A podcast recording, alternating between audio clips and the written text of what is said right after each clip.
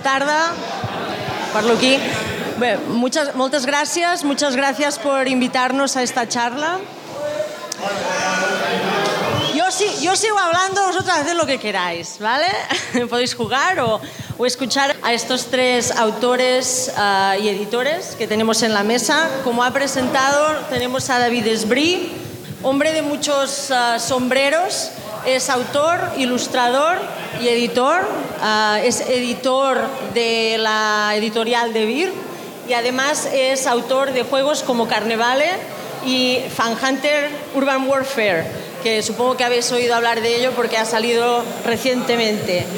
El siguiente que voy a presentar es Luis Cullell de Mont, que es autor del juego Dead Show TV, que lo tenéis ahí encima de una mesa si queréis uh, probarlo.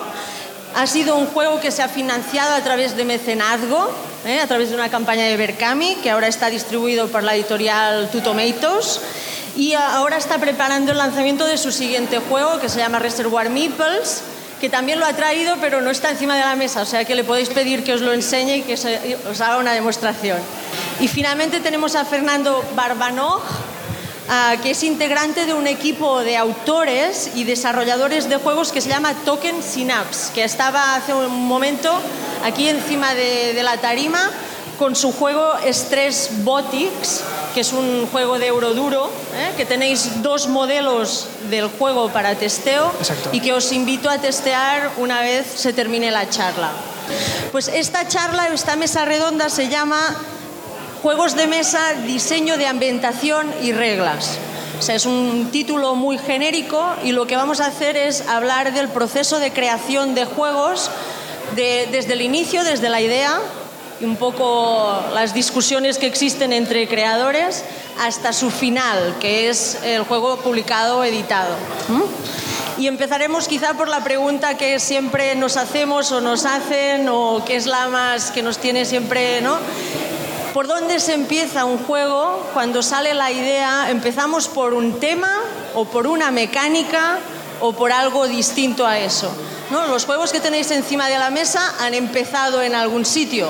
¿no? ¿Qué es lo que fue? ¿no? Aventureros al tren. ¿Fue alguien que iba en tren y pensé voy a hacer un juego de trenes? ¿O simplemente eso fue una cosa que se añadió después cuando la mecánica estaba ya diseñada?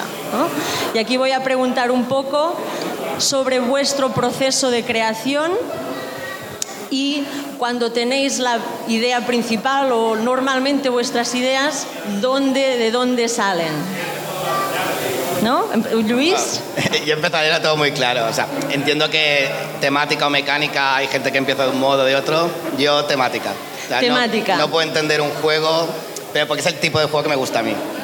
Entonces tengo que tener una temática y no solo una temática, sino la sensación. O sea, puedes decir, quiero hacer un juego de zombies, pues ¿qué es? De buscar recursos, de huir de una horda y a partir de ahí todas las mecánicas, intentar que, que den esa sensación que buscaba.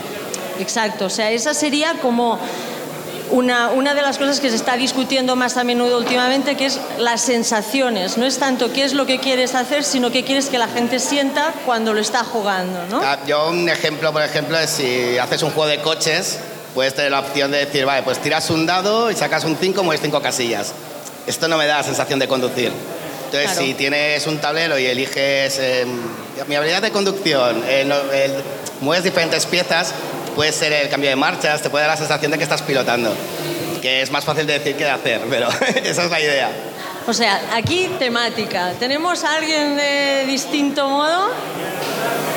Bueno, en mi caso la temática también fue fundamental, pese a que es un euro puro y duro, pero también te centras mucho un poco en, en la interacción eh, y ya empiezas a un poco a madurar algunas mecánicas que, que fluyen ¿no? hacia donde tú quieres llevar a los jugadores, a donde quieres manipularlos tal vez, ¿no? Así que, en fin, en cuanto a la temática entra un poco, ya, ya estás metido ya en mecánica, pero vale. para mí, vamos, no concibo un juego si no empiezas por la temática. O sea, primero, digamos, sería primero la idea del tema que, que aparece sí. y luego, en todo caso, las mecánicas que estén ligadas con el tema. Efectivamente, sí. Efectivamente. O sea, luego generas una serie de elementos en el juego que intentas decir, vale, eh, la, la gente tiene que fluir hacia aquí, pero siempre sin alejarte nunca de la temática, porque es que si no eh, empiezas a hacer son cálculos matemáticos toda, toda la partida, ¿no? Uh -huh. se, ¿Y David?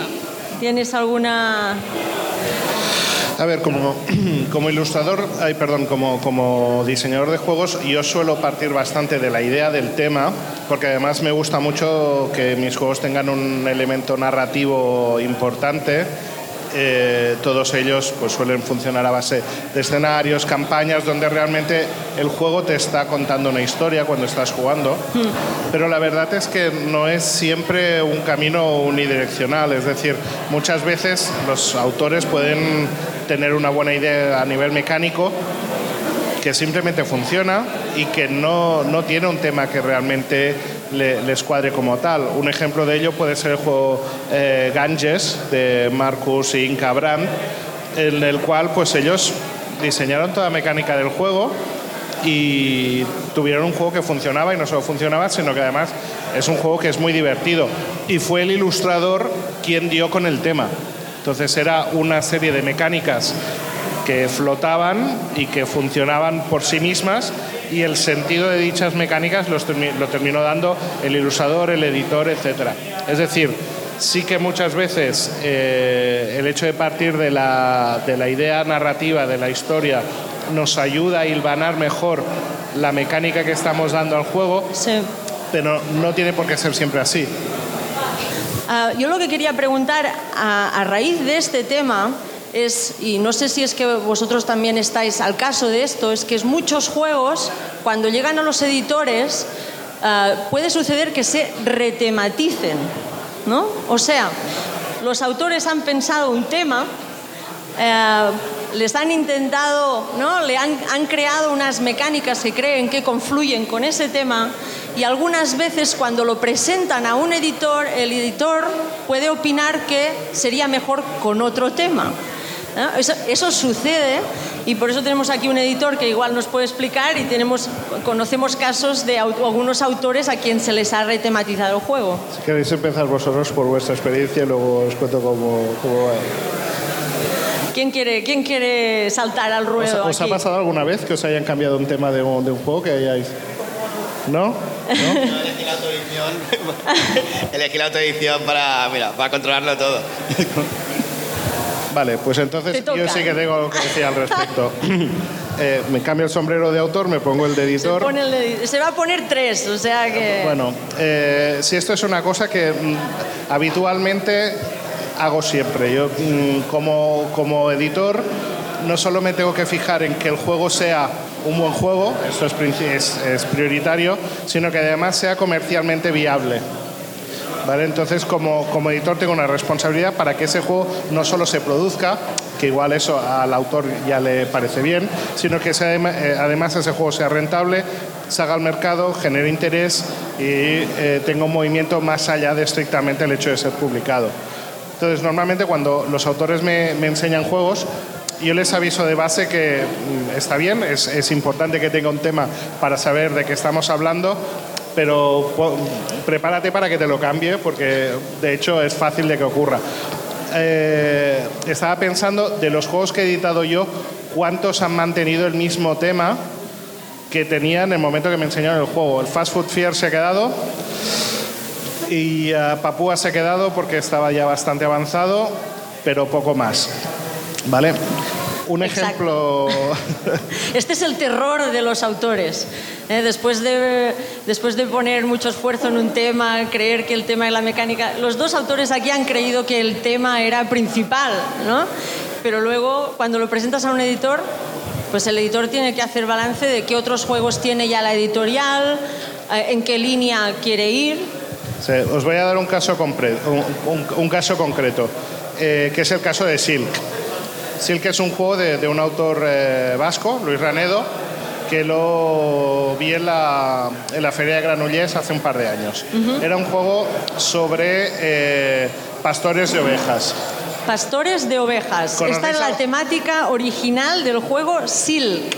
Entonces, pastores de ovejas, de entrada, es un, es un tema que es trillado, no, trilladísimo, y, y, de entrada que llama muy poco la atención, es un, es un tema aburrido, en mi entender en el momento que empiezas a jugar el juego de, Luis, el, juego tiene una serie de mecánicas que funcionan muy bien, o sea, funcionan como un reloj en el cual, pues tú como pastor vas llevas tu rebaño de, de ovejas, las llevas a pastar aquí y tal, y luego coges tu mastín y se lo tiras a las ovejas del otro para empujarlas contra el lobo y tal. Es, tiene un nivel de mala hostia que los, que los pastores de ovejas no, no tienen. No tienen.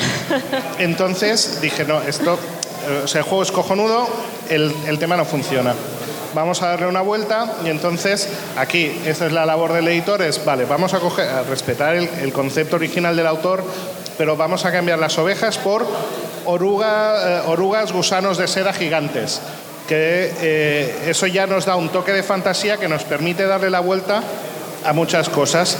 Es decir, pues vale, el mastín le vas a poner unos, unos cuernos de cabra y el lobo se va a convertir en el okami, que va a ser un monstruo que vive en estas altas montañas del, del no sé qué. Es decir, eh, si os digo cuántos juegos de Tulu, de zombies y de piratas me han enseñado, es aburrísimo. O sea, los he visto todos.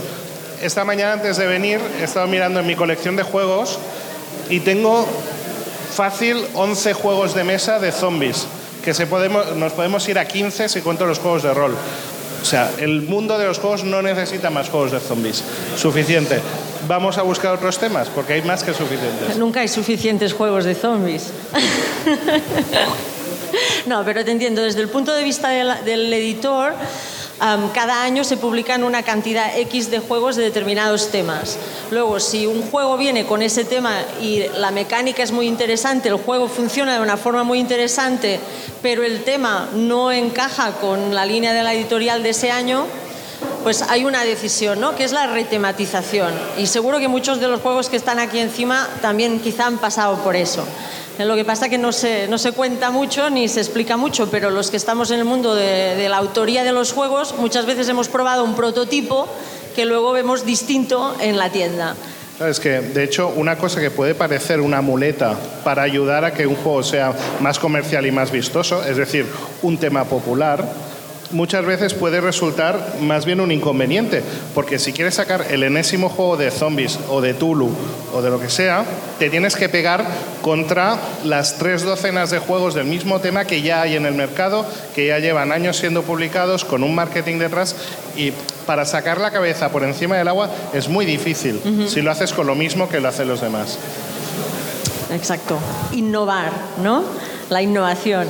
Pero es, es, lo que parece que, como mencionas, que la innovación es un proceso conjunto. ¿no? El autor crea una parte y la editorial también puede, pone poner de su parte para ese proceso. Los autoeditores, que aquí está, tenemos un, un ejemplo, um, pues tienen que poner todo de su parte, ¿no? intentar hacer el marketing y hacerla... En el caso de, de Luis, me gustaría que explicaras un poco cómo fue tu proceso de creación y cómo te llevó, cómo te decidiste a hacer un crowdfunding, ¿no? a hacer un proceso de mecenazgo. Eh, bueno, la idea, me empecé a hacer el juego por, hacerlo, o sea, por entretenerme. Y luego cogiendo forma y no conocía nada del mundo lúdico. O sea, realmente de que empecé, pasaron tres años quizá, empecé a conocer el mundo lúdico, las ferias, la gente eh, era como algo personal, de que quería sacar el juego y quería sacarlo yo por tener la sensación de que estaba construyendo algo. Y si quieres autoeditar, el crowdfunding que es la única opción que tienes, porque nadie te conoce. Eh, la experiencia fue muy buena porque y sí que pedí mucho consejo, porque también no sabes nada, tienes que aprender un montón de la gente que ha hecho crowdfundings. Y, pero si haces las cosas bien, eh, aunque no te conozca nadie, aunque no tengas una editorial detrás, puedes sacar un crowdfunding hay que ser realista, no puedes pedir 50.000 euros y esperar sacarlos, pero es posible hacerlo. Uh -huh. Entonces, a mí me pasa que me gusta crear juegos, pero también me gusta el proceso de edición. Me gusta la producción, me gusta mirar el mercado. Eh, yo lo que decía estoy de acuerdo, o sea, el editor tiene un trabajo casi tan importante como el autor. Uh -huh. Porque al final también es quien corre el riesgo, quien tiene que apostar, quien tiene que saber cómo va a funcionar eso. Exacto. Y, y, bueno, se acaba especializando en eso y es tan importante como la otra parte. Te complementa la visión y supongo que te influye cuando estás diseñando, o sea, como llevas los dos sombreros, te influye el hecho de decir, bueno, aquí me tengo que limitar porque el proceso de producción es este. es que creo que casi todos los editores han sido o son medio autores, porque no solo cambian la temática del juego, sino también pueden ajustar mecánicas. Eh, y bueno, autores ya que cada vez piensan más en edición. O sea, ellos no editarán, pero ya hacen el juego pensando en qué elementos, eh, qué coste tendrá la producción para que un editor se lo coja. O sea, yo- cada vez estamos más mezclados. Antes de ir a este tema, voy a preguntar a Fernando que, porque en tu caso eh, sois un equipo de, de diseñadores, de creadores, desarrolladores de juegos, Exacto. pero en principio no vais vosotros a sacar vuestro juego autoeditado. Nunca ha sido la intención, además. Eh, Nuestra intención era siempre enseñar el juego, eh, centrarnos en el desarrollo, testeo. Eh, por ejemplo, el tema de componentes no, nunca ha sido una pretensión para nosotros. Ha sido en plan, bueno, esto es lo que hay. Sé que para algunas editoriales, o, para casi todas, normalmente siempre te miran, te revisan, a ver cuántos componentes. eh, vale, esto pesa 50 kilos, no se puede sacar. Pero eh, para mí el compromiso como autor, creo que eh, también a David me gustaría hacer esa pregunta. Si un autor tiene compromiso también de centrarse mucho en el tema y vender el tema como algo que va implícito en el juego o dejar eso, pues bueno, muy en el aire, que flote y, no- esté, que no sea algo homogéneo, ¿no?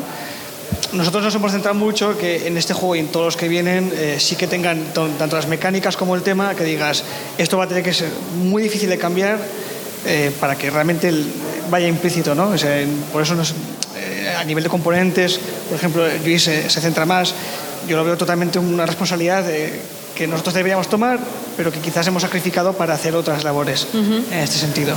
O sea, en ese sentido, la pregunta es, ¿qué recomiendas a los autores que quieren editar un juego, ¿no? quieren que se edite?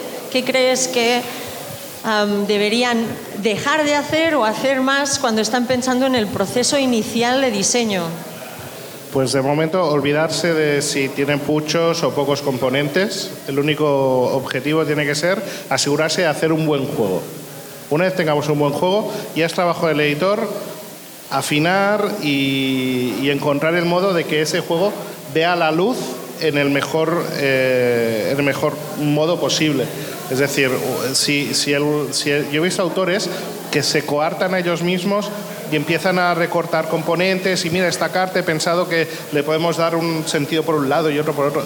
Olvídate de eso. Sí. Haz un buen juego. Luego, si tenemos que, que hacer una reducción de ese juego y, y tal, lo haremos. Y muchas veces un juego que, que- que viene con muy poquitas pretensiones, eh, desde la editorial lo que hacemos es subirle un par o tres de niveles para que quede un poco más vistoso.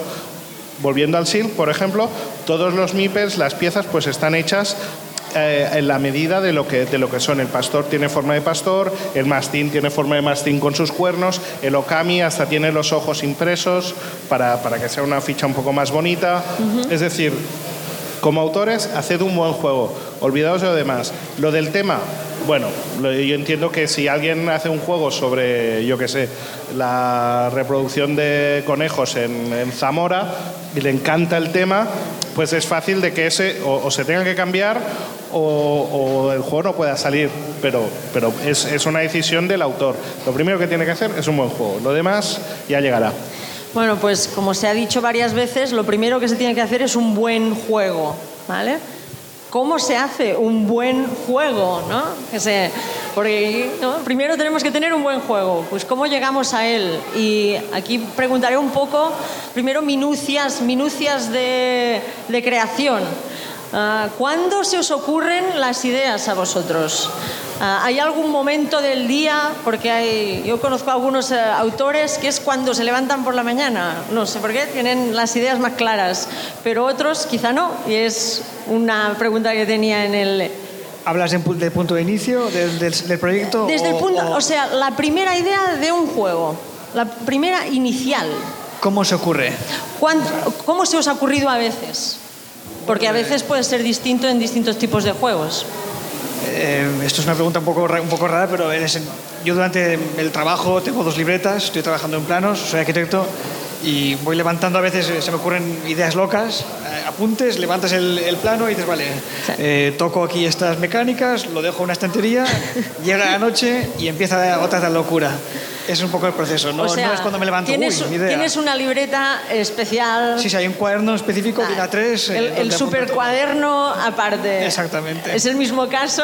Luis. Eh, bueno, sí, tengo mis libretas, pero uso más el móvil eh, también. Porque el móvil. Normalmente las ideas se me ocurren en el transporte público. ¿En transporte público? En el tren, en el bus y tal. Ah, eh, la idea inicial, a mí, normalmente puede ser o viendo una peli o teniendo una conversación que de repente piensas, o sea, estaría bien hacer un juego de esto, ¿no? Me gusta. Y a partir de ahí, luego ya le vas dando vueltas sin trabajar en ello hasta que un día dices, podría funcionar así, y ahora quizá me matarán, ¿eh? pero yo pienso que un juego realmente el 40% lo puedes hacer en una semana, que se te ocurre la idea tal, pero luego cuando lo tienes que pulir es cuando tardas dos años, que vas haciéndolo de cero, ¿no? Pero el primer proceso dices, ah, se puede jugar, es funcional, realmente no es un buen juego, pero luego lo que realmente vas a tardar un montón es pulirlo, ver que todo encaje. Exacto. Y ahí está el trabajo, que arrancas muy rápido, pero luego cada vez vas avanzando más lento hasta que estás satisfecho. Y de hecho tienes que decirte que estás satisfecho, que nunca lo acabarías. Exacto, porque una idea no vale nada. Todo el mundo lo dice, ¿no? No se puede proteger. Muchos autores están preocupados para proteger la idea que han tenido, pero en realidad la idea se tiene que ejecutar y es ese proceso el, el largo. ¿Y en tu caso? En mi caso, como, como, como autor, a mí los, los, juegos me van, me van creciendo como en una vitro, como en el fuego de una, de una vitrocerámica, que empieza muy flojito, ¿vale? Y empieza a hacer un, un calorcito ahí poco a poco, y de pronto un día empieza a hervir, y, y entonces te pones, ¿no? Entonces eh, hace unos meses, por ejemplo, que le llevaba dando vueltas a un concepto, ¿no? un, juego en el espacio, hacías tal cosa y tal, una base, base lunar, no sé qué. Y un día, pues me estaba, era un sábado, un domingo, y me desperté yo solo a las 6 de la madrugada. Y estaba en la cama y no podía dormir. Y empecé a darle vueltas y a darle vueltas y a darle vueltas. Y, y, y, empezaron a caerse las mecánicas una encima de la otra. Sí. Yo, vale, vale, vale. Entonces me, me, levanté a las 7 de la mañana un domingo, me duché y, me, y mi, mi, mujer me encontró escribiendo en el portátil, ¿qué haces? No, es que tenía que, tenía que soltarlo. Entonces, está todo esto en papel, compré todos los meeples y toda la historia para hacer el proto, todavía no lo he hecho, pero ahí está, ¿vale? Entonces, el día que me ponga, me pondré. Pero fue así. Porque esta era la siguiente pregunta. Una vez hemos tenido una idea y hemos empezado a pensar unas mecánicas, ¿cuándo decidís hacer el primer proto? ¿no? ¿Y cómo lo testeáis ese primer proto? O sea, a solas, uh, ¿tenéis a alguien a quien normalmente hacéis probar esa primera idea? ¿Cómo lo hacéis? Eh, en mi caso, ya que tengo el micro, eh, me depende un poco de la, de la realidad que vaya a tener ese juego. Es decir, si es un juego que sé que se va a publicar, las cosas pasan más rápido. Si es una cosa que hago un proyecto y que un día pues igual se lo enseñaré a alguien o no, pues esto me lo tomo con más calma. Ahora, por ejemplo, el último proceso de creación que he hecho es la expansión del Fan Hunter Urban Warfare, que va a salir durante este próximo año. Eh, entonces, claro, es un juego narrativo con unas mecánicas ya probadas, porque ya parte de un juego básico, pero que claro, con un montón de personajes nuevos, escenarios nuevos y tal. Entonces, ¿qué hice? Me jugué toda la campaña yo solo, vi dónde funcionaba, dónde fallaba, dónde los mapas se tenían que ajustar, tal y cual. Lo, la probé varias veces los escenarios con amigos y tal, y luego organicé una mega quedada en el cual se jugaban la misma campaña en paralelo, es una campaña de seis o siete escenarios, durante todo un día en varias mesas simultáneamente.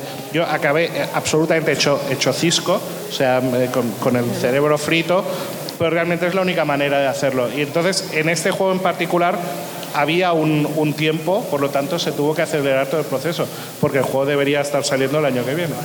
Claro. Luis, ¿dónde testeas tú? Eh, bueno, la primera, la primera parte del juego la testeas solo, realmente, y puedes hacer un juego para ocho jugadores y tú haces de ocho jugadores el proto que tengo ahora es de errores ocultos, o sea, puedes imaginarte lo que es testear eso solo. Iba a decir que es muy divertido, ¿eh? Jugar a cuatro jugadores tú solo. Al final no sabes si el juego funciona o como ya tú te dices a ti mismo lo que tienes que hacer, ya... Eh... Ah, tú vas tomando en tu libreta las notas de la mecánica y ya cuando crees que está bien es, te puedes hacer el proto, que es recorta, enganchalo, ¿sabes? Lo todo manual. más bonito, lo Empiezas a imprimes. testearlo solo y ya cuando crees que funciona, ya puedes enseñarlo a. Bueno, yo en mi caso, hay un grupo de autores de Barcelona, por el Pati Limona, que nos juntamos y ahí puedes testear juegos de otros jugadores, testear el tuyo y ahí vas viendo los cambios antes de llevarlo a una feria y que lo vea el público. Exacto, si hay algunos autores o eh, alguien que esté creando un juego y quiera testearlo, hay un sitio en Barcelona que es el Pati Limona, donde quedamos muchas veces los miércoles. Todos los miércoles, sí. ¿eh? Y muchos autores se presentan ahí con su proto a ver si hay tiempo para probarlo, porque claro, como hay muchos. Y también es, aprovecho para también eh, explicar que existe una asociación que se llama Ludo, que es la Asociación de Creadores de Juegos de Mesa, que también tiene encuentros en Barcelona y también tiene un encuentro anual. Y para todos aquellos que quieran jugar, y, jugar su juego, pues existen estos espacios. ¿eh? Se, puede, se puede llevar esos juegos allí. Y por, y por, lo tanto aquí se usa el PATI, ¿no? Muy bien. Bueno, mi, mi PATI es eh, fórmulas matemáticas y Excel por un tubo. Eh, nosotros somos un grupo de tres autores y entonces podemos repartir un poco todos estos flujos, ¿no? Eh, yo me encargo de todo el tema, de la, carga de conceptual del juego y tengo, la suerte de contar con un amigo que es matemático y informático, entonces yo le puedo eh, pedir cruzar una serie de datos en vez de jugar, bueno, yo lo veo bien, ¿eh? la prueba y error, de jugar tú solo, lo que comentábamos antes, eh, pero creo que es interesante también hacer un poco de una especie de previsión de lo que de comportamientos de una serie de jugadores haces una, una, especie de media, una especie de partida entera, promediada, y entonces luego lo empiezas a cruzar todos los datos en varios Excels y entonces pues igual ahorras 20 partidas de testeo. Eso es lo que hicimos durante un año y medio antes de anunciar el juego y en Córdoba milagrosamente con tres partidas funcionó bien. O sea, bueno, tres partidas no, menos de tres partidas. Una partida y dos, y dos mitades. O sea que realmente es muy laborioso porque no sabes si estás haciéndolo bien durante tanto tiempo. Dices, este juego va, a estar bien porque lo está, no lo está jugando nadie en realidad. Pero sí que realmente ahorra, es un proceso muy eh, enfarragoso, ¿no? De que la gente venga, a a tus amigos, prueba esta mecánica, boom, se rompe, no puede ser. Entonces, creo que, bueno, sobre todo en euros, ¿eh? en Ameritrash y demás, o sea, en juegos más temáticos de, que tengan más, más sabor, o sea, bueno, más, más tema, ¿no? Ya juegas con las sensaciones, pero en un euro que intentas eh, eh, pues que la partida fluya y luego eh, la, puntuación sea muy acotada, creo que es interesante, ¿no? hecha de mano de las matemáticas, con mucha carga además. Bueno, aquí hay dos preguntas un poco candentes. Es, ¿Son necesarias las matemáticas para crear un juego? ¿O hasta qué punto? ¿no? Porque hay muchos autores, digamos, el tema iterativo ¿no? se puede resolver vía vía matemática, ¿no? creas las iteraciones a partir de unos modelos, o vía hacer las iteraciones en mesa, ¿no? pero realmente no te permite hacer una visión de todos. Bueno, como autor tienes la responsabilidad de cuantificar eh, eh, la diversión, ¿no? O sea, tú tienes eh, diciendo, vale, este juego va a ser divertido porque tú tienes una noción de cuánto es de divertido o de qué te gusta realmente esas acciones pero realmente para las matemáticas creo que en los euros, sobre todo en los juegos de recursos, son fundamentales para, eh, para hacer un balanceo riguroso. ¿Alguna otra opinión sobre las mates? Bueno, siempre o más o menos las usas. O sea, un juego que sea mucho de azar. Eh, claro. Las matemáticas las sigues usando, pero es verdad que, claro, no es tan riguroso como un euro que tienes que calcularlo. que necesitas que cuadre. Pero toda cosa que calculas, proporción de cartas de un tipo, eh, al final tienes que ir mirándolo. Exacto. Pues yo creo que depende. Porque sí, para hacer este tipo de juegos euros, duros, tal, pues es necesario sacar estadísticas y todo esto. Pero yo no creo que el autor de Happy Salmons le dio mucho al Excel.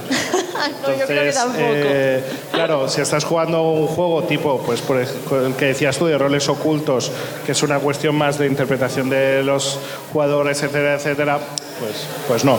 Pero bueno, sí, sí es cierto que hay juegos que son súper inmersivos, que te metes ahí dentro, que es matemática pura y, ahí corres el riesgo de encontrarte con juegos que sean la declaración de la renta que tienes que, huir de ahí para que el juego sea jugable a escala humana y que, y que, que sea algo, una experiencia divertida. Pero que vamos, que yo lo relativizo un poco. Y ahora otra pregunta así, ¿cuándo tiráis un juego a la basura? no quiero decir un juego de los que están en la mesa, sino vuestros protos. ¿Cuándo decidís que el proto no vale nada? Eh, yo creo que nunca se tira a la basura. Pero sí que se pone el cajón más profundo. Se reciclan. empiezas muchos protos y ah, muchas veces dices, no, no lo veo, no funciona, no me divierte y lo guardas, pero siempre te queda allí. A lo mejor seis años después has aprendido nuevas mecánicas, has aprendido cosas y lo recuperas o se te ilumina. Tirarlo, tirarlo, creo que nunca se tira, pero bueno, se puede pudrir en el armario 20 años, ¿no? El término es ponerlos en la nevera. Yo creo, yo creo que los autores somos tozudos. Sea, y un día me dio, porque tuve una idea fantástica, que dije que iba a hacer un, adaptar a juego de mesa el Arcanoid y entonces empecé a hacer el Arcanoid y, hostia, qué guay. Y que es un juego de, de, videojuegos de los años 80, que es una plataformita así, que vale una, una, pelota que va rebotando y tienes que asegurarte de que, de que no se caiga. Dije, esto lo voy a petar y le estoy dando vueltas. Dije, venga, va, ¿qué tema le meto? pues eh, cintas de transporte de maletas de un aeropuerto. Digo, ya está, esto fantástico. Además veía el diseño gráfico en mi cabeza ideal. Y, y, bueno, le estuve dando caña y tal hasta que me di cuenta que el juego era una mierda. Dije, esto es injugable, con esto no vamos a ninguna parte pero como somos autores tozudos, ahí está. Ahí está. Y algún día llegará su momento. Arcanoid llegará. Arcanoid llegará, o no sé cómo le llamaremos, pero de momento está ahí en barbecho y a ver qué sale. yo realmente es mi primer juego, este Botics. Eh, no lo tira a la basura porque no me cabe en la basura. no te cabes. Relacionado con esto de tirar a la basura y por la parte de las editoriales, ¿Cómo, digamos, es una pregunta un poco complicada para hacerla bien y que nadie, no, no, que no nos sentamos ofendidos, pero en algún punto los, las editoriales o incluso los que testeamos juegos de otros, tenemos que decir que ese juego no funciona, ¿no? O no funciona en una mecánica concreta. ¿Y cómo lo hacemos? ¿No? ¿Cómo se dice este juego no se puede publicar? O no está listo para publicar? En mi caso, sombrero editor, eh, de hecho es lo habitual.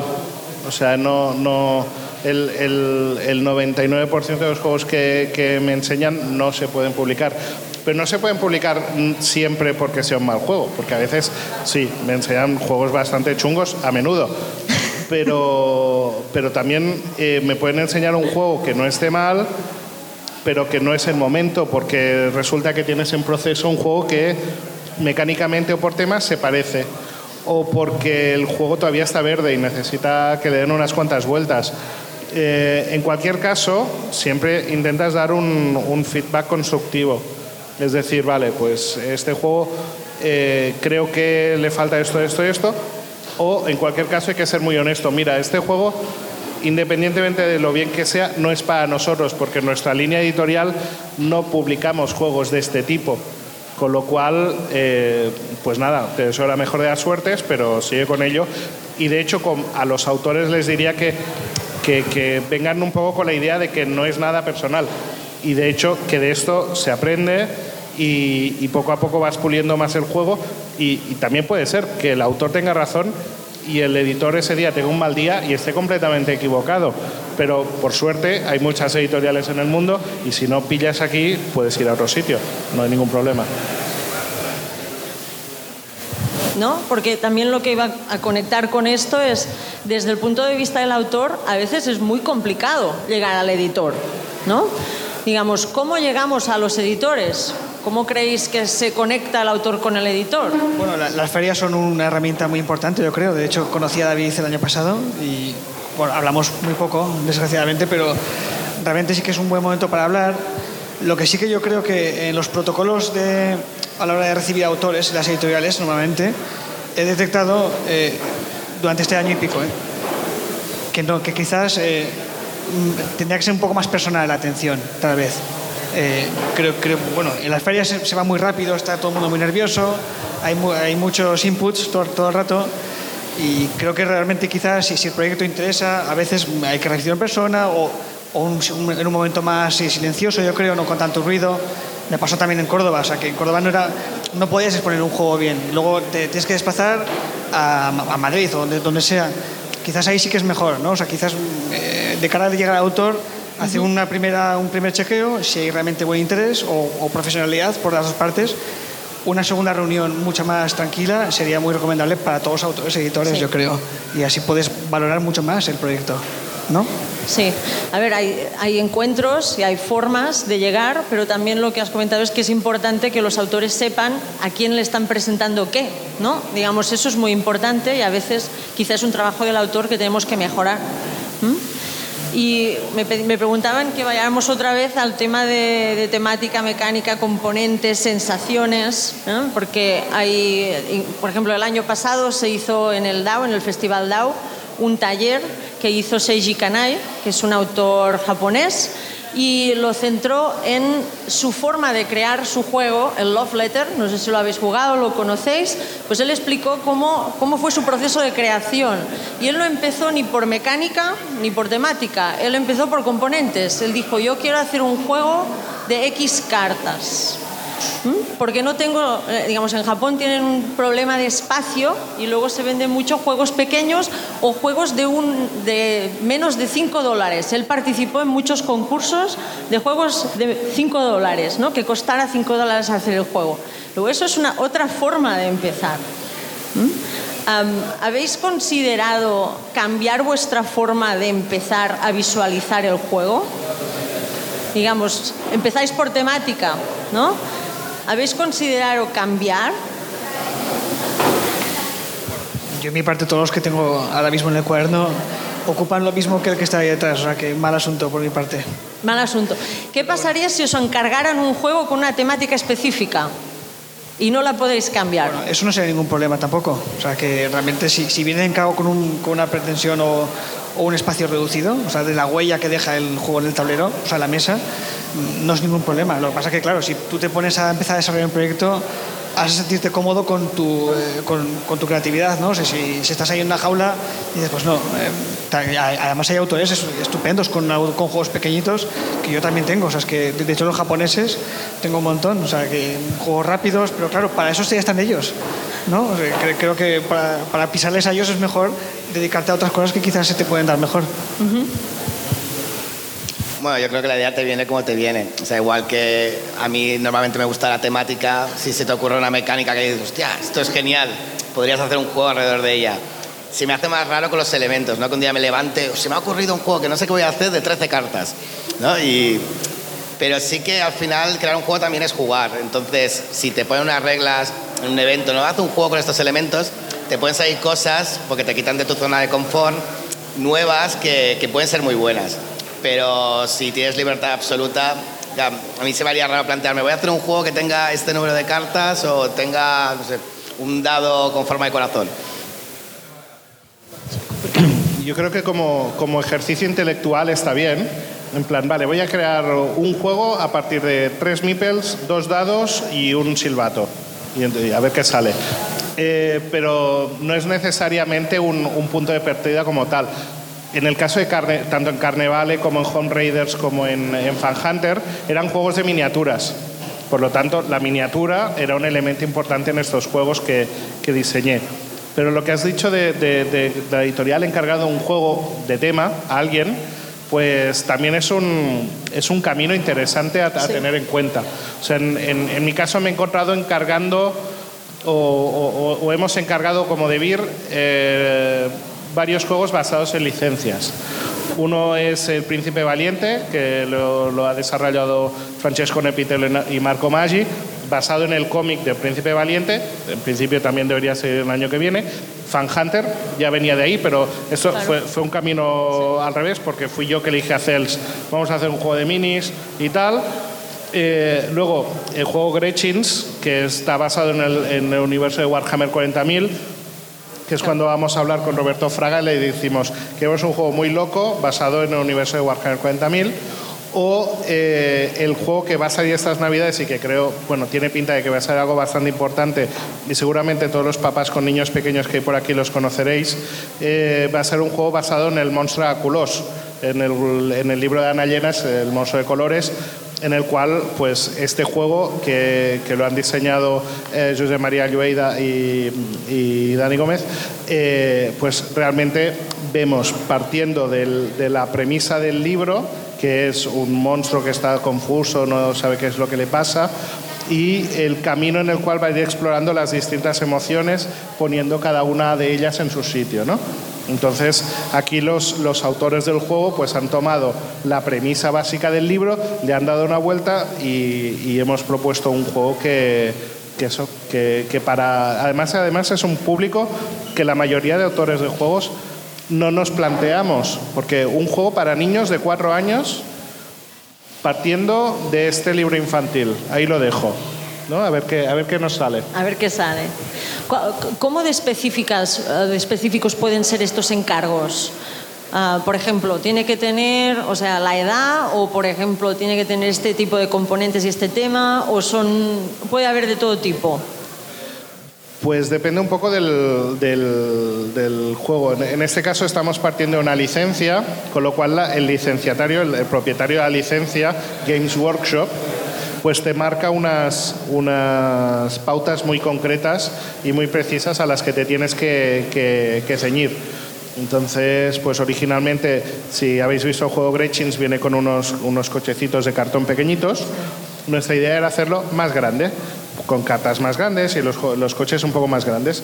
Eh, Games Workshop nos dijo que no, que no podíamos hacerlo así porque se acercaban demasiado a las miniaturas, con lo cual tuvimos que bajar un poquito el tamaño y de hecho creo que eh, ha, sido, ha sido bueno porque el juego ha quedado bastante más compacto y es un juego pues seguramente más accesible.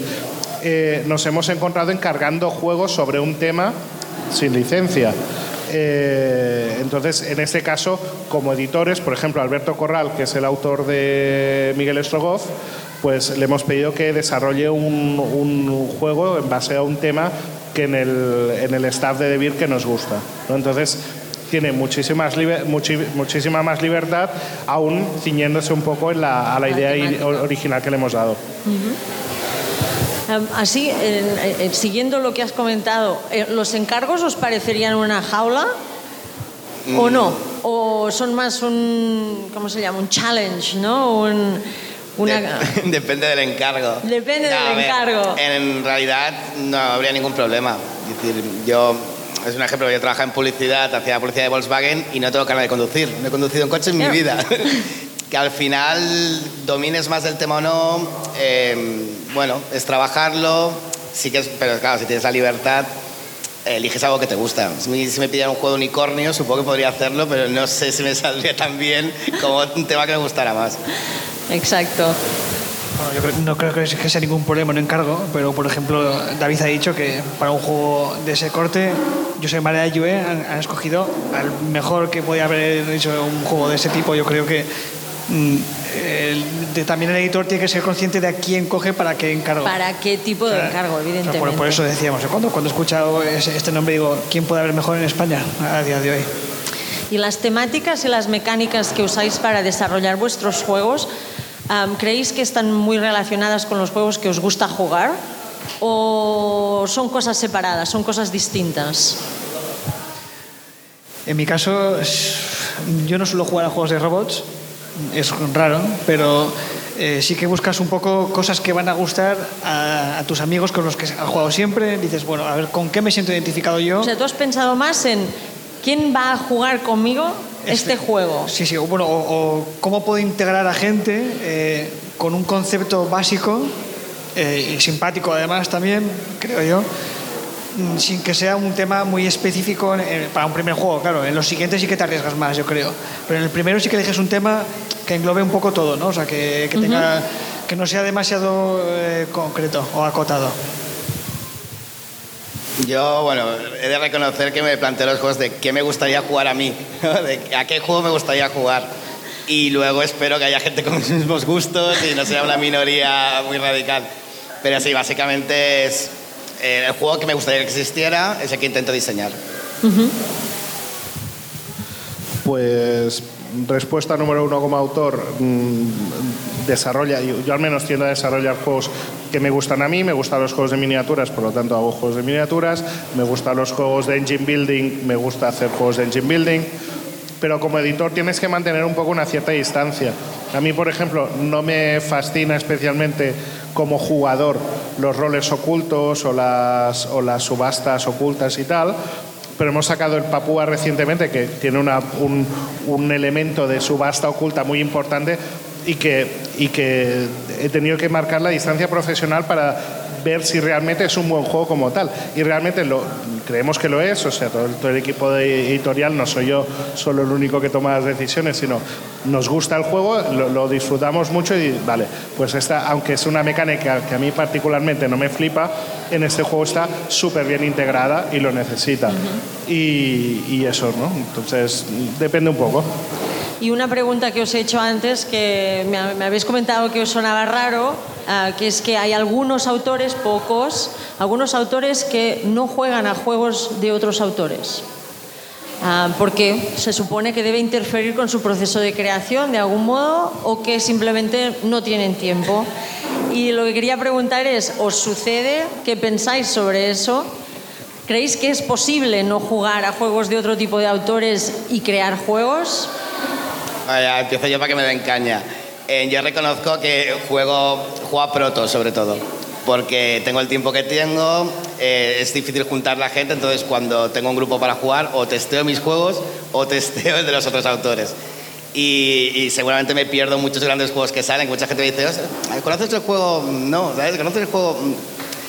pero también creo que enriquece jugar juegos que sean protos, porque sobre todo si los vas jugando a lo largo del tiempo ves cómo han ido evolucionando, ves qué soluciones se han ido encontrando y si no, también cuando juegas, juegas un juego final, toca hacer el proceso inverso, ¿no? De cómo han llegado hasta aquí, en qué, qué les fallaría. Yo lo, probé, ¿no? Sí, no, yo también lo hago con los juegos que pruebo, pero también con protos ganas eso, ¿no? Vas viendo la evolución vas viendo qué problemas se encuentran. A lo mejor un juego terminado normalmente no tiene problemas, o no debería tenerlos. Cuando pruebas protos ves problemas que ya cuando tú haces un juego dices, sé que esto me fallará por aquí. Bueno, en mi caso es al revés, justamente al revés que Luis. O sea, yo juego prácticamente a todos juegos acabados, pero sí que hago el, ejercicio que dices tú de inverso, de ver cómo han escalado eh, a ese juego eh, o ver cómo han llegado, eh, por qué esta mecánica es así tal vez, ¿no? Pero sobre todo me fijo en, la, escalabilidad. Lo que pasa es que en rayos ocultos escalan a más jugadores normalmente, o sea que es complicado eh, buscar una escala de 3, 4, 5. Pero eh, sí que me gusta ver todos los juegos acabados y luego intentar buscar el proceso creativo, que no antes está publicado en la, en la Board Geek o en sus blogs. A veces ves un poco pues, cómo ha sido el proto, cómo ha empezado él. Eh, su proceso creativo es interesante. Pero bueno, creo que la, parte más interesante de ver los juegos acabados es, para mí, es la escalabilidad al número de jugadores. Porque normalmente eso suele, suele fallar a veces. Sobre todo, ves que en ese, por ejemplo, para, para un me, gustaba un juego y me decían, no, no, solamente escala a cuatro jugadores. Digo, pero si ponéis aquí de dos, entonces, ¿qué, qué me estás engañando aquí? No, no, yo recomiendo a cuatro. Eso, por ejemplo, para mí quiere decir que algo ha fallado en el proceso. Pues partiendo de la pregunta de estos autores que no juegan a juegos de otra gente, a mí me parece raro, me parece muy raro. Pero, pero los hay. O sea, de hecho, el, el autor del Quacksalver von Kedinburg, Pócimas y Brebajes, es más fácil, que saldrá en breve, eh, eh, ha conseguido meter tres juegos eh, nominados en el Spiel de Jars. Que, que, ha sido The Mind, el, el Pócimas y Brebajes y otro que, que, tiene un nombre en alemán muy, que, que no soy capaz de pronunciar. Y este tío dice que no juega a, juegos de otros autores. Y me parece un rara avis. De hecho, cuando venga Dau en un par de semanas se lo podremos preguntar por qué hace esto. Pero en cualquier caso, eh, me parece un, un, acercamiento poco aconsejable. Es decir, eh, como, como, autor, este tío, pues bueno, es, es muy bueno y, y, realmente el Pócimas y Brebajes es una pasada de juego, es muy divertido pero corres el riesgo de terminar haciendo cosas que a ti te parecen la monda, pero que llevan haciéndose 20 años, ¿no? Entonces, claro, necesitas un poco de conocimiento, que es lo que hay fuera. Y como autores eh, que, que, quieren publicar sus juegos y todo esto, es importante jugar tu propio juego, sobre todo, esto lo tienes que pulir y machacarlo y machacarlo, pero también es importante jugar juegos que hay en el mercado para ver cuáles son las tendencias. Es decir, si tú haces el juego como un ejercicio puramente intelectual, pues está bien, lo haces, lo pruebas, lo juegas, está bien. Pero si tienes la aspiración de publicarlo, es importante ver cuáles son las tendencias del mercado, qué es lo que se vende, qué es lo que no se vende, qué, a qué editor se lo puedes llevar a, presentar y para ello tienes que jugar los juegos de ese editor. Entonces, eh, que los hay, los hay. Me parece raro, pero bueno, cada uno con lo suyo. Y como más o menos aquí habéis comentado que hacéis el ejercicio ¿no? inverso y a veces encontráis fallos, ¿os lo pasáis bien cuando jugáis a juegos de otros o estáis todo el rato analizando los juegos? ¿O depende? yo, creo que eh, de algún modo es inevitable. En el momento que entras en el proceso de, creas, de creador, de que creas o, en, cualquier, en cualquiera de los pasos del proceso, ¿vale? Eh, debe ser como cuando Ferran Adrià se va al bar de la esquina a comer un menú, ¿vale? Entonces le dan la escalopa y dice, bueno, esto yo creo que ha usado este pan rallado y lo ha freído durante tantos minutos y tal, y, y es, es, fatal. O sea, lo, lo, pasas fatal porque te pones a sobreanalizar una cosa que en principio debería ser divertida, porque juegas para jugar, para pasar un buen rato, y no, y, nos, nos, freímos la, la quijotera pensando por qué ha hecho esto, cómo lo ha hecho, por qué funciona y tal y, muchas veces nos equivocamos, mucho. O sea, hay un juego que, que es muy eh, popular, que es el... Um, uh, de esto de Waterdeep, uh, Lords of Waterdeep. Ah. La primera vez que lo jugué me pareció un juego que, bueno, no está mal, pero que hay 20 juegos más que consiguen lo mismo, con mecánicas similares y tal. Y a nivel de tema, yo creo que no, no me funcionaba. Digo, esto no es Dungeons and Dragons, esto es gestión de cubitos y tal, pero yo no veo ni guerreros, ni, ni magos, ni tal. Veo cubitos. veo cubos, esto no es Dungeons and Dragons. No. Y la primera vez que lo jugué dije, bueno, vale, pues ya lo he jugado, ya pantalla pasada hace unas semanas me, obligaron a volver a jugar y me lo pasé piruleta, me lo pasé pipa y digo, qué chulo. Y entonces encontré un montón de cosas que no había visto la primera vez y dije, vale, la primera vez estaba equivocado. Este juego es guay. Aún así, lo del tema sigue sin funcionar. Pero bueno, mecánicamente le encontré sus, sus cosas. Os lo pasáis bien jugando, ¿no? Eh, sí, a ver. Depende. Lo analizas, no lo puedes evitar.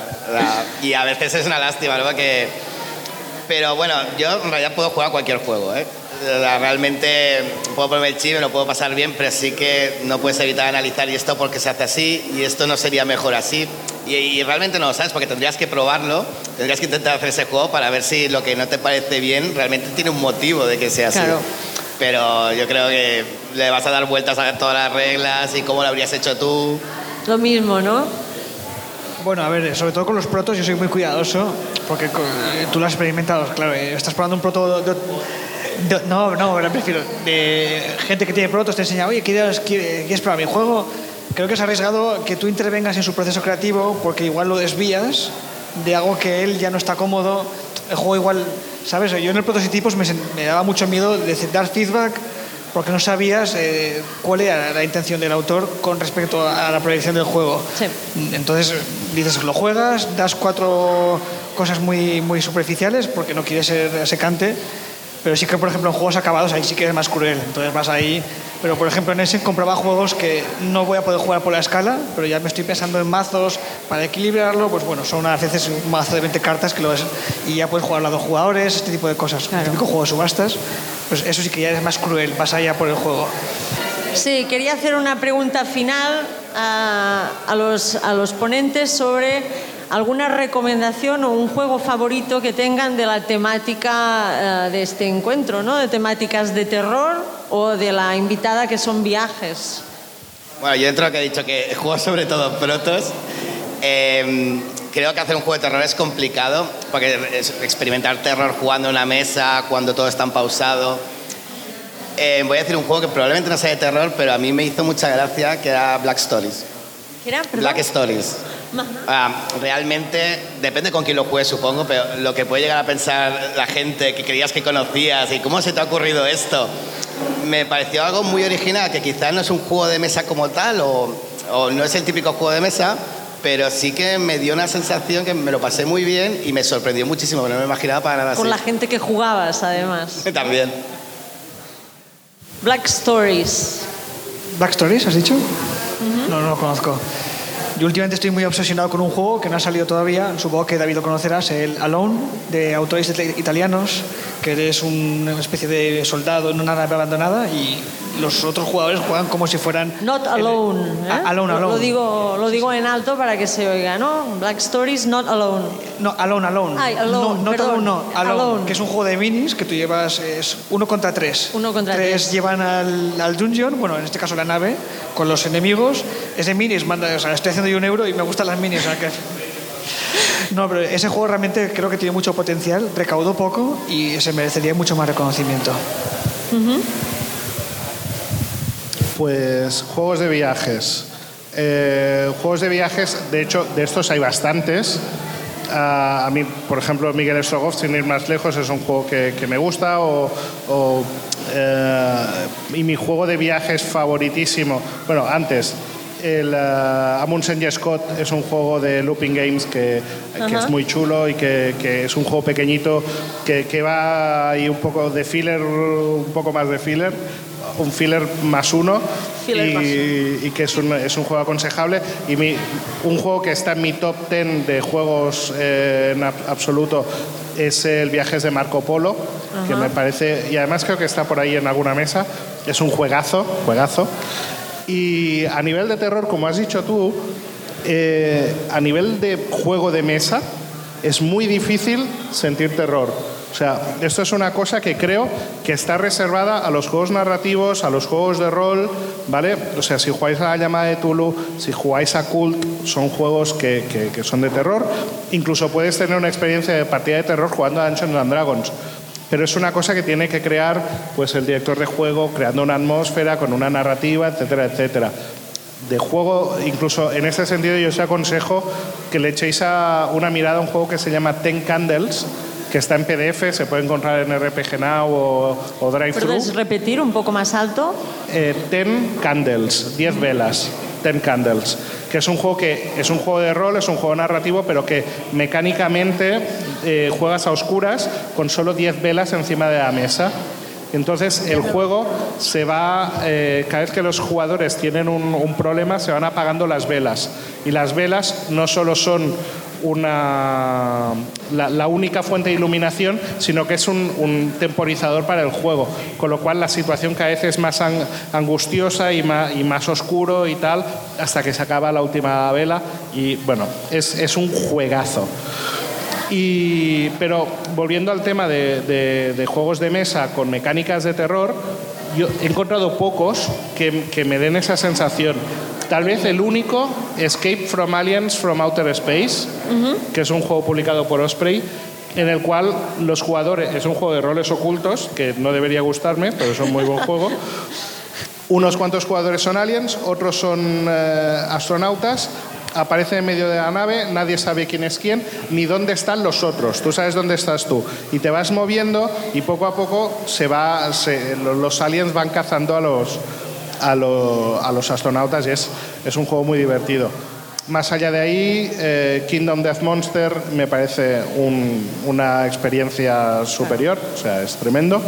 Pero juegos con temática de terror. Hay un, 3.000 patadas de juegos de Tulu, eh, 25.000 juegos de zombies. Preguntado tus preferidos, ¿eh? No Sí, que me sí. vistes aquí. O, o- pero, pero bueno, yo qué sé, el juego de la- Las Montañas de la Locura es un juego basado en las novelas de Lovecraft, pero que realmente no es un juego de terror, es No. un party, ¿no? es un party. Pero bueno, que, los he dicho, ¿no? El Kingdom Sí. Death Monsters, que, Ten Candles, eh, Marco Polo. Sí, yo si me permitiréis diré el mío, ya que estoy aquí sentada también. Yo he pensado en Mansiones de la Locura, más que nada porque es un juego que me lo paso genial, aunque mm, tenga, ¿no? gaste cuatro o cinco horas de mi vida cada vez que lo monto, pero que me, me hace sentir esta idea de pasearme por una mansión y que las cosas se van empeorando, empeorando. Pero me ha gustado mucho que sacaras esta idea de es muy difícil hacer sentir terror en un juego.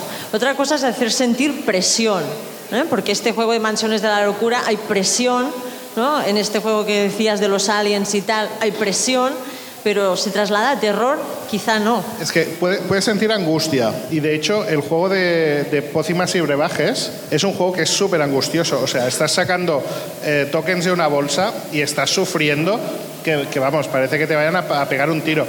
Pero es muy divertido esa presión. Pero en ningún momento es sensación de miedo. Sensación de miedo, yo tengo la sensación que es una cosa reservada para los juegos de rol. Es narrativa, ¿no? Necesita, requiere una narración, un contexto. ¿Sí? ¿Estáis de acuerdo? Sí, ah, yo creo que el miedo para sentirlo tiene que ser algo que no puedas controlar. O sea, si estás viendo una película es de que no salga, que no salga, que no salga, no, que no me peguen un susto. Y sale. Pero tú no lo puedes controlar. Claro, juego de mesa lo tienes ahí, puedes parar de jugar, puedes no sacar esa carta. Entonces, claro, es difícil sentir miedo porque no te va a asustar el juego, no, no va a saltar la carta. Bueno, si consigues que salte la carta sola, entonces sí, pero entonces, claro, como es algo tan controlable lo puedes pausar cuando quieras, eh, puedes ponerte a hablar de otro tema y reírte y ya te quitas esa sensación, es muy bueno. Yo creo que es imposible. Bueno, tengo que hacer una mención especial a un juego que se llama AV Ghost. No sé si alguno conocéis el autor de la Chemical Crystal Quest, un juego de minis. Sí. Pues este autor ha hecho un juego que llevas eh, miniaturas con linterna, se ha de jugar a oscuras y vas moviendo la, mini por, por, una mansión y vas cambiando la lente del color y descubres diferentes espíritus y enemigos. Creo que es una idea impresionante. No sé si al final será jugable, pero lo que vi yo en ese me pareció una brutalidad. Debería estar ese juego aquí el año que viene, yo creo, porque es que es perfecto. Pues quizá la inmersión vendrá por las aplicaciones, ¿no? Claro, va, con una aplicación también, Ligar un poco esta aplicación externa, por ejemplo, Mansiones de la Locura, en la segunda edición, la app da un poco más de, temática, ¿no? de inmersión, aunque no llega al punto de saltar y, y encenderse el app cuando tú no estás esperando. No, no, aquí realmente te hace jugar a oscuras, eh, Pablo, y realmente vas moviendo tu miniatura que tiene una linterna con pila, o sea que y le vas cambiando el color y aparece el espíritu. No sé hasta qué punto te da miedo, pero realmente inmersivo es, la verdad. Pues interesante. Pues bueno, creo que estamos llegando hasta el final y lo que quería hacer es abrir un poco un turno de preguntas. Si alguien de ustedes tiene alguna pregunta para los ponentes. Sí, por favor. Bueno, hoy nos habéis hecho un poco de masterclass, no del proceso creativo. Y la pregunta que voy a hacer va un poco dirigida a David, porque es muy específica. Es, de todo lo que habéis comentado, mucha gente cogerá esos mensajes, esos consejos para crear su propio proto y poderlo presentar a una editorial. Pero de forma muy breve, las cuatro cosas básicas que debe tener un juego para al menos que una editorial lo pueda tener en consideración. O, al revés, los cuatro errores que nunca puedes cometer. Es, un poco categórico, pero a ver. Eh, errores. Bueno, muchas veces nos llegan mensajes en plan, oye, este juego lo he jugado con, mis amigos y les encanta. ¿Vale? Muy bien. Este juego va a ser el próximo Monopoly. Error número dos. Eh, de, estos, eh, de hecho, hay un libro que tiene un decálogo de las 10 cosas que, no debes decir nunca cuando presentes un juego. Una de estas es a mis amigos les encanta y este va a ser el próximo Magic, Monopoly, Catán, etc. Eh, cosas que tiene que tener un autor para presentar un juego, en mi opinión particular. Yo creo que el juego tiene que estar bastante testeado, bastante jugado y terminado aproximadamente en un 80%. ¿Vale? ¿Y eh, por qué el 80% es un número importante? Porque el juego tiene que, existir, tiene que haber una buena base, pero eh, a no ser que, te venga realmente con el próximo Catán, que no creo que me vaya a pasar en esta vida, eh, el autor debe, tener, debe darse un cierto margen de maniobra. ¿vale? Para, del mismo modo que cuando hacéis las pruebas con, con, otros autores y probáis los protos, estáis abiertos a, sugerencias, mejoras, comentarios, lo mismo a nivel del autor.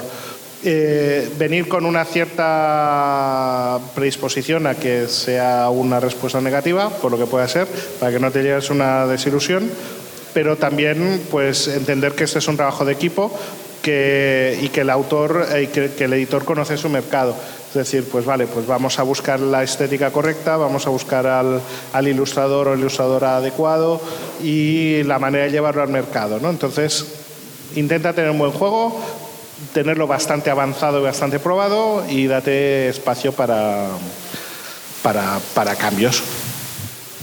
Buenas. A ver, la pregunta yo sé que es muy genérica y ahora diréis qué me vas a preguntar, ¿no? Pero yo quiero saber cuánto cuesta, ya sé que no es lo mismo hacer, supongo, el de los salmones que hacer el de Scythe, pero ¿cuánto cuesta inventarse un juego y hacer un prototipo en monetariamente y en tiempo? O sea, ¿cuánto, no sé, para tener una idea, es que como no tengo ni idea, Evidentemente con un par de folios puedes hacer cuatro cartas y hacer un prototipo que te cagas, ¿no? Pero el, pero el, tuyo es súper guapo y tiene un diseño ahí detrás y un trabajo que, que hay que reconocer, ¿no? Entonces, más o menos, ¿eh? Muy genérica, pero... A ver, pues en estos dos protos que hice en Essen, eh, yo creo que me dejé entre fichas. También tengo un convenio con una empresa que le hago publicidad, etcétera, etcétera. Pero aquí lo que ves encima de la mesa, 250 euros aproximadamente, eh, con los dos juntos, con muy buenos precios y, y, yo me lo impreso todo en mi despacho, tengo plotter, ¿vale? O sea que eso también cuenta. O sea, te pago la tinta, no mis horas de... Pero sí, o sea, cálculate que unos 300 euros eh, echándote a tus espaldas bastante trabajo. Yo llevo dos años y tres años voy a cumplir ya con este juego. Más que con mi novia, casi, casi.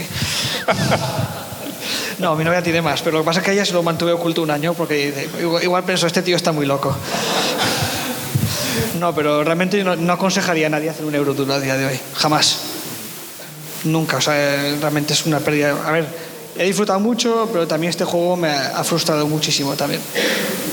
Ahora sí que haría otros euros duros, porque la metodología la tengo, pero empezar de cero, yo no conocía Ludo, no conocía nada hice un juego sin saber, entonces, claro, te cuesta mucho más eh, empezar. Pero bueno, ahora no aconsejaría a nadie hacer un euro duro.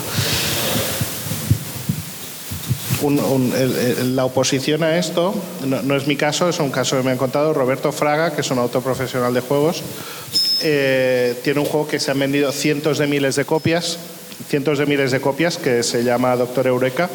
Roberto Fraga diseñó el juego en dos horas con canicas y tubitos de plástico que tenía en casa. Period. Creo que es una pregunta que es difícil de responder porque precisamente es muy variada. Depende del tipo de juego y también depende mucho del tipo de autor. Porque hay juegos que, por ejemplo, autores que no nos conocen las editoriales, pues igual pasamos mucho tiempo antes de tener una cosa que nos gusta lo suficiente para poderlo llevar. ¿no? igual pasamos un año, año y medio pero también es cierto que existen otros autores eh, ya profesionales, ya que han publicado mucho en el mundo y que, por ejemplo, pues presentan a las editoriales protos con papel. Eso existe. ¿Eh? Y no es el proto pues, que estáis viendo encima de las mesas que a veces vais a, testear en rincones de autores de diferentes ferias. O sea que hay, hay una variedad muy importante de, este tipo de cosas. Yo tengo una pregunta para el público. Ah, perfecta. Cuando jugáis a un juego de mesa, ¿hasta qué punto sois conscientes de que hay un autor detrás? ¿Buscáis juegos de un autor determinado o, os gustan los juegos de tal o de cual? ¿Alguien quiere contestar esta pregunta? Hola, eh, yo tengo una lucha desde hace un par de años con esto. Eh, me da mucho coraje ver en las redes que eh, no es por ti, David, no es por ti, es porque lo que, no, lo que quiero decir que normalmente siempre veo que en las redes, reseñas y cosas así, sobre todo en los encabezamientos y esto, y en los, en píos y entradas que se hacen en las redes de, los usuarios, casi siempre se etiqueta o se pone a la editorial. Únicamente. Únicamente. En ocasiones incluso no se pone ni el nombre del juego. Te ponen una foto, supongo que intentando decir, ay, eh, a ver si la gente pica, a ver que, no sé, como si fuera para para conocedores, ¿no? Te pongo la foto del juego, pero no te digo cuál es, ¿vale? Pero si algo falta siempre en esas entradas es el nombre del autor, sistemáticamente. Eh, yo, a mí me pasa lo contrario. Yo tengo, cada vez que hago una entrada un Twitter o lo que sea, yo siempre, absolutamente siempre, va a ir el nombre del autor. Siempre. Porque eh, yo como creador de contenido, como, bueno, yo me llevo dedicando al mundo de la farándula toda mi vida, entonces, claro, que no reconozcamos a las personas que realmente plantan la semilla. Y en todo esto no desdeño el trabajo editorial en absoluto, ¿eh? que al fin y al cabo quien lleva el juego desde la semilla a nuestra mesa para que, la, para que lo podamos jugar es una editorial, ¿vale? Pero eh, desdeñar un poco, de, menospreciar el intelecto de, de los autores no me parece que esté haciendo nada bien por la afición, ni siquiera a nivel usuario al fin y al cabo los usuarios somos los que sostenemos las redes y los que hacemos, eh, generamos la gran parte de, la información y buena, limpia y ruidosa, ¿vale? de todo tipo de información. Entonces creo que, yo por mi parte sí, incluso intento darle un poquito de empuje a los autores que siempre tengan visibilidad. Si el pío es de algún amigo que no lo ha puesto, yo pongo abajo tímidamente en una respuesta que es de no sé quién, ¿no? Y no solamente porque sea amigo mío, me da igual, como si es de Faiduti, que es mi autor menos afín, diría, ¿vale? Pero sí, y por otro lado, que preguntaba, sí, hay autores con los que tengo un poquito más de, de, no sé, últimamente me estoy convirtiendo a la religión de Wallace, no sé por qué, eh, sé que es un diseñador muy irregular, e igual te encuentras una verdadera joya, que te encuentras algo que tú dices, te habías tomado algo cuando hiciste esto, ¿sabes? Pero siempre creo que tiene alguna idea interesante que me gusta probar, ¿no? Un segundito, voy a dar turno de réplicas antes de que pase demasiado tiempo y nos vayamos a los autores. Ya está, ya, ¿Turno ya de réplicas o no? no, de hecho, lo que dices estoy totalmente de acuerdo con ello. Yo creo que incluso ahora ya me pongo el sombrero de Beer oficialmente, eh, creo que desde BIR se hace una, una, labor importante de poner siempre a los autores de juego por delante. Eh, desde los juegos que editamos nosotros, la, la, cobertura que se le da desde DeVir TV, eh, de buscar siempre pues, el punto de vista del autor, hacer los making-ofs de los juegos, ver cómo se ha desarrollado todo el proceso para que la gente que juega esos juegos sea consciente de que hay un autor detrás. En, en DAO pues eh, intentamos ayudar en lo máximo posible para que los autores tengan una presencia física en el, en el, en el evento, para que la gente los conozca, pueda hablar con ellos, obviamente, y no hay ninguna duda al respecto, en todas las portadas de todos nuestros juegos va el autor delante del... Pues, vamos, es que ni, siquiera se me podría plantear hacerlo de otro modo, por lo tanto la figura del autor es clave. O sea, no, no, no hay juego sin autor, con lo cual... Mm, mm, que sí, que, vamos, que sí, totalmente de acuerdo. Soy, soy consciente, además, sé que en, en Debir TV Ponéis muchas la entrevista con el autor que habéis encontrado no sé dónde y habla el autor directamente de su juego, eso mola mucho. Y por otro lado, creo que el gran olvidado, el gran, si ya los, los autores son olvidados, el gran olvidado del todo es el, ilustrador normalmente, ¿vale? Y aquí también quiero romper una lanza en favor de, de los ilustradores que, que son como los buenos secundarios en una película, ¿vale? Que eh, ves una película que es eh, que no vale para nada y sin embargo ves un buen secundario y dices, me ha merecido la pena verla nada más que por ver a, Paul Giamatti haciendo no sé qué, ¿no? O a Stanley Tucci ahí.